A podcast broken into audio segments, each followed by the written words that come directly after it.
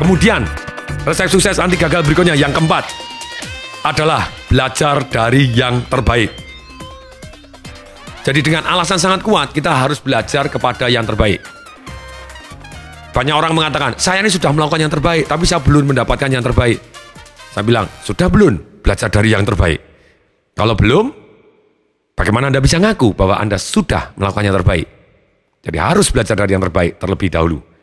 Learn from the best or die like the rest. 80% waktu kita harus belajar dari yang terbaik, di CD nomor 1 dan CD nomor 2 sudah dibahas. Kemudian yang kelima, ini resep yang paling penting dari tujuh resep anti gagal ini.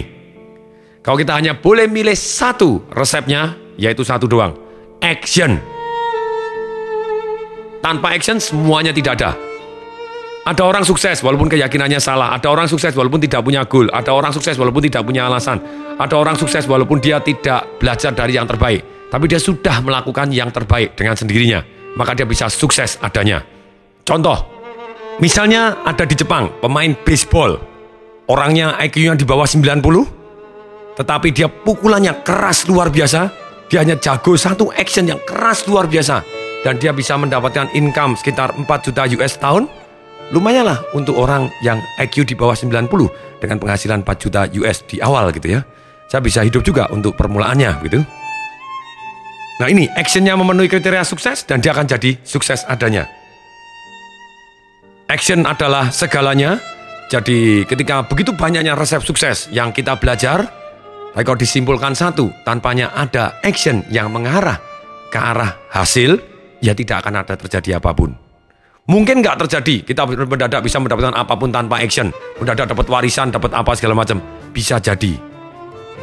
Hanya kemungkinannya kecil. Kalau Anda tidak dapat dari warisan, tidak mendapat lotre, kalau lotre pun Anda tetap butuh action untuk beli lotre gitu ya.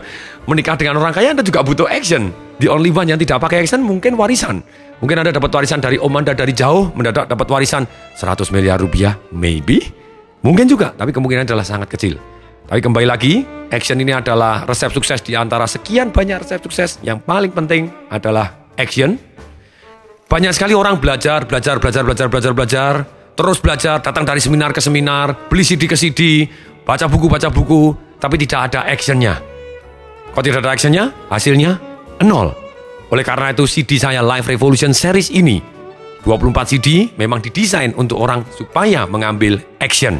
Seketika bahkan.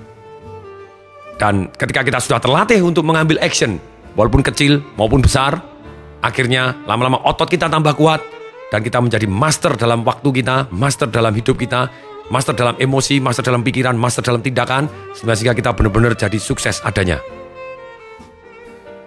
Sekali lagi, teruslah berjanji dan berkomitmen untuk take action, apa pun yang terjadi, dengan kita take action, kita akan menjadi lebih baik. Ada orang bilang, Pak, kita kan harus belajar dulu. Yes, Anda belajar dulu. Tapi belajar harus take action. Bahkan sering kali kalau kita tidak take action, kita hanya belajar saja.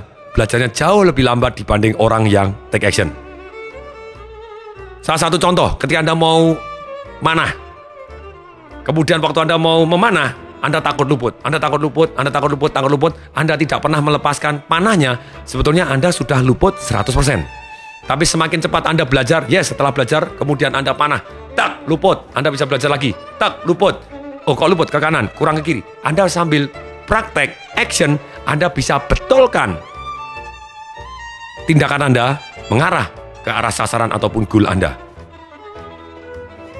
Bahkan sering kali dibahas, Pak kita kan butuh persiapan untuk take action. Seringkali kita menghakimi bahwa kita butuh persiapan dan butuh persiapan, supaya sempurna? Aha.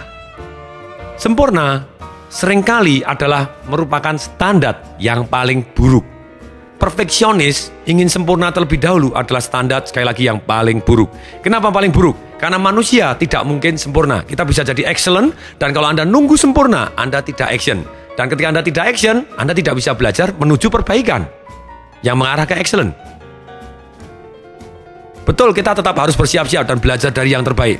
Tapi kembali lagi, Anda belajar, kasih waktu, jangka waktu tertentu, langsung take action. Anda siap-siap, kasih waktu, jangka waktu tertentu, siap dan siap, take action. Dengan take action, Anda akan jadi lebih baik dan lebih baik.